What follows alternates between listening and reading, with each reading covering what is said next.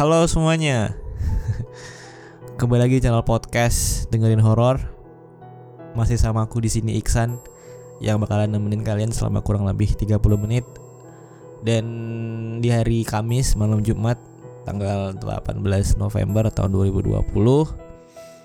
Hmm, gimana kabarnya? Semoga baik-baik aja dan diberi kesehatan sama yang di atas. Oke, jadi di malam ini aku mau bawa bawain cerita dari akun Twitter at cerita underscore setan n-nya double. Nah, di sini dia menceritakan uh, sebuah pengalaman, pengalaman atau experience horor yang mana dia mengalami teror dari perempuan yang ada di sebelah kamarnya. Jadi judul judul tweetnya judul ceritanya yaitu perempuan kamar sebelah. Sepersekian detik lampu menyala membuat aku bisa melihat apa yang ada di depanku. Dia perempuan berbaju merah dengan posisi merangkak ke arahku dengan muka tertutup, rambut lusuhnya. Kenalin, aku Tobi Adam. Mungkin beberapa dari kalian sudah pernah baca ceritaku tentang Gunung Arjuno. Sekarang aku mau menceritakan lagi pengalaman terhoror dan ter terakhir yang pernah aku alami. Semua nama ataupun yang lain sengaja aku samarkan untuk menjaga privasi. Cerita ini aku alamin tahun 2018 awal. Saat itu aku masih berprofesi sebagai DJ. Waktu itu aku dapat job di salah satu klub di daerah Kalsel, Kalimantan Selatan. By the way, kontrakku di sana dua bulan. Singkat cerita, Aku datang ke kantor untuk tanda tangan kontrak dengan urusan yang lain dan urusan yang lain. Sebenarnya aku dapat fasilitas mes. Hanya saja aku dari dulu nggak pernah mau tinggal di mes karena untuk keluar masuk kurang bebas. Jadi aku selalu cari kos. Kalau belum ada yang tahu mes, mes itu kayak asrama gitu. Jadi dia nggak mau tinggal di mes makanya dia cari kos-kosan gitu. Aku googling dan sambil nanya temen akhirnya dapat juga kos-kosan yang menurutku itu nyaman. Lumayan gak terlalu jauh dari lokasi kerja dan langsunglah aku cek kos tersebut. Tempatnya nyaman dengan bentuk letter L dan terdapat tiga lantai. Singkat cerita setelah aku mengecek dan ketemu dengan Pak Amir selaku penjaga kos, akhirnya deal untuk menempati kos tersebut. Barang-barang langsung aku masukkan ke kamar, dibantu sama Pak Amir untuk naik ke lantai dua paling ujung. Gak ada yang aneh sama sekali, nyaman banget. Siang itu aku pesan makanan dan setelahnya langsung istirahat karena lelah seharian harus bolak-balik. Tiba-tiba entah kenapa aku terbangun karena ada suara piring pecah di kamar sebelah. Gak ada pikiran aneh-aneh, hanya bangun sudah maghrib dan langsung bergegas mandi dan kemudian makan sore. Ketika aku keluar kamar kos dan melewati kamar sebelah, entah kenapa Aku berhenti tepat di depan pintu kamar itu. Rasa penasaran dan kepo, kemudian aku tempelin telingaku di pintu kamar. Samar-samar terdengar suara televisi dan suara perempuan sesenggukan saat itu juga. Aku langsung merinding. Oh jadi dia nguping ya, nguping ke kamar sebelahnya terus dengerin perempuan lagi sesenggukan sesungguhnya tuh kayak nangis gitu ya nangis tapi nangis kejer gitu terus dia merinding dan dia ngebatin udahlah kataku sambil melanjutkan langkahku. By the way, di kos ini rata-rata pekerja dunia malam. Jadi setiap subuh itu ya lumayan rame. Aku pulang sekitar jam 5 pagi. Agak sedikit mabuk dan langsung aku baringkan badanku di kasur dan tertidur. Belum lama tertidur, aku terbangun karena ngerasa gerah. Kok bisa, pikirku saat itu. Padahal AC di kamarku udah paling dingin. Bersamaan aku bangun, samar-samar terdengar lirih suara perempuan menangis di kamar sebelah. Aku masih berpikir positif. Oh, mungkin tetangga sebelah baru pulang kerja, terus mabuk. Terus ya gitu, jadi cengeng bawaannya. Pikirku saat itu. Karena sudah gak tahan gerahnya, Aku langsung buka baju dan tak lama langsung tertidur lagi. Tengah hari aku terbangun, kebetulan malam ini aku libur, jadi bisa santai di kamar kos. Terus aku melakukan rutinitas seperti biasa, pesan makanan setelah perut mulai keroncongan. Kemudian abang ojek itu datang dan mengetok pintu kamar. Sedikit basa-basi, Cantik bener bro di kamar sebelah, kayak artis. Kata abang ojek. Emang iya pak? Saya baru soalnya, belum pernah ketemu, cuma pernah dengar suara doang. Jawabku.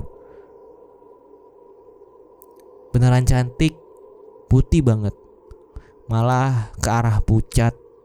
Saking putihnya tadi sekilas lihat dari jendela dan lagi duduk di depan cermin, kata Bang Ojek. Ya udah Pak, lapar nih. Nanti aja itu dipikir. Makasih ya Pak. Oke, sama-sama Mas, balasnya. Sambil makan aku kepikiran. Masa sih cantik banget jadi penasaran. Selesai makan, aku mencoba memberanikan diri untuk berkenalan dengan tetangga kamar sebelah. Setelah semua urusan selesai, aku keluar dan melangkah menuju kamar perempuan sebelah. Aku coba ketuk dengan dalih nanti anggap aja kenalan sama tetangga karena aku baru di sini. Cukup lama aku mengetuk pintu kamarnya tapi gak ada jawaban. Kembali lagi terdengar suara TV. Tiba-tiba aku ngerasa dilempar piring atau kaca dari dalam ke arah pintu. Kaget dong. Masa ngajak kenalan malah gini? Ya udah, balik ke kamar aja sambil ngedumel gak jelas. Lagi berbaring santai tapi entah kenapa aku tertidur dan terbangun lagi dengan suasana seperti kemarin. Gerah banget. Terdengar lagi ada suara barang dibanting. Tak lama muncul suara seperti kepala sedang dibenturkan ke dinding dari kamar sebelah. Disusul suara tangis yang lirih banget, tiba-tiba berubah menjadi ketawa yang melengking. Selanjutnya, apa yang aku lakukan? Nggak ada. Aku cuma duduk di samping kasur, tepat di depanku asal suara itu terdiam dan seakan menikmati peristiwa itu. Tapi di sisi lain, aku pengen lari, tapi nggak bisa. Selang beberapa menit kemudian, perempuan itu menangis dan diikuti tertawa dan tiba-tiba hening. Kemudian aku mendengar seperti ada suara dari kamar sebelah. Tolong kak, kakak kenapa diam aja? Tolong aku kak. Jantung berdetak kencang, badan kaku seperti disambar petir, kaget, sekaget-kagetnya. Tiba-tiba lampu mendadak mati. Aku langsung berlari keluar berusaha membuka pintu tapi kunci gak ada. Dengan kondisi kamar gelap sembari meraba saklar lampu, aku tercekat mendengar suara itu berasal dari kamar mandi. Suaranya persis suara perempuan di sebelah kamar. Kakak mau ke mana? Ini kunci kamarnya sama aku. Seketika setelah dia selesai berucap, tiba-tiba sosok perempuan itu sudah ada tepat di depan wajahku. Aku merasakan hidungku dengan hidungnya menempel. Yang kuliatin waktu itu hanya mata merah dan bau busuk. Setelahnya, semua menjadi gelap. Kemudian aku terbangun dengan posisi tertidur di lantai membelakangi pintu, dengan posisi lampu masih mati. Lagi-lagi suara tawa perempuan itu muncul lagi. Dia datang dari belakang tembok kamar. Aku tahu karena suara tawa itu berada di belakangku. Aku hanya bisa menutup mata sembari sedikit mengintip. Yang kulihat hanya bagian bawah saja. Dia berbaju putih lusuh dan kakinya melayang. Mendekat semakin dekat dan tiba-tiba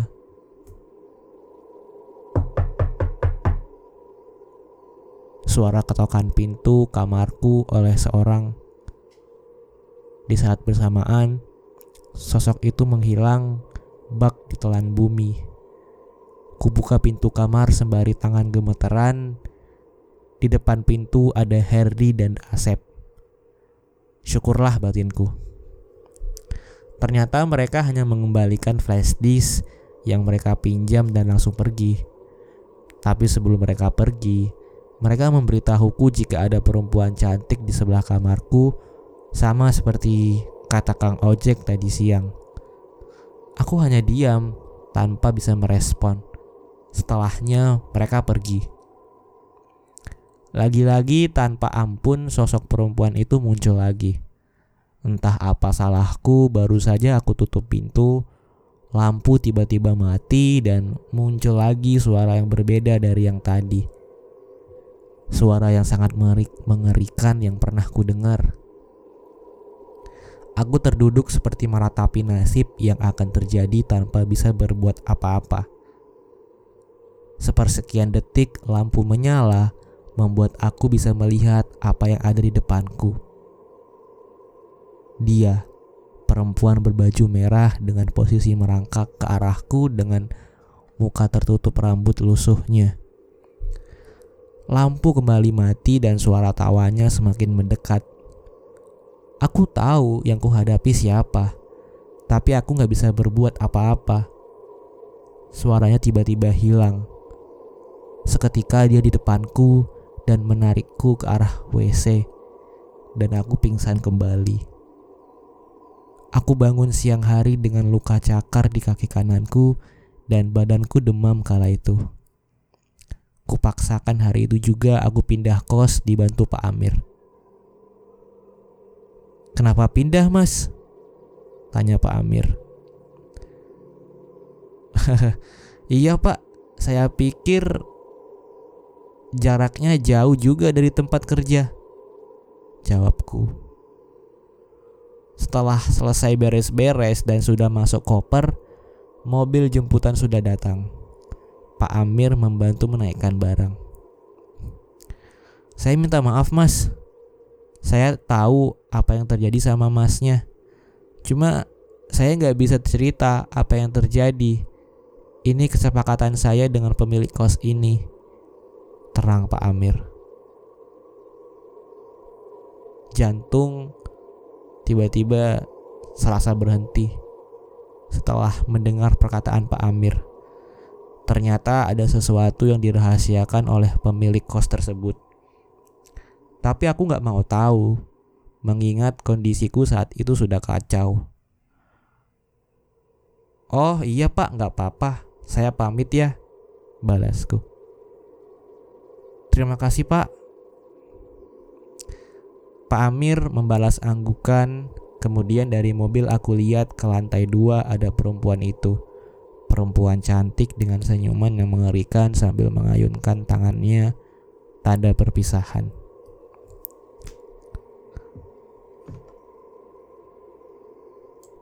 Anyway, sudah selesai ceritanya teman-teman. cukup menyeramkan dan lagi-lagi ya kamar kos-kosan tuh banyak banget kejadian-kejadian mistisnya gitu. Nggak ada habisnya perasaan.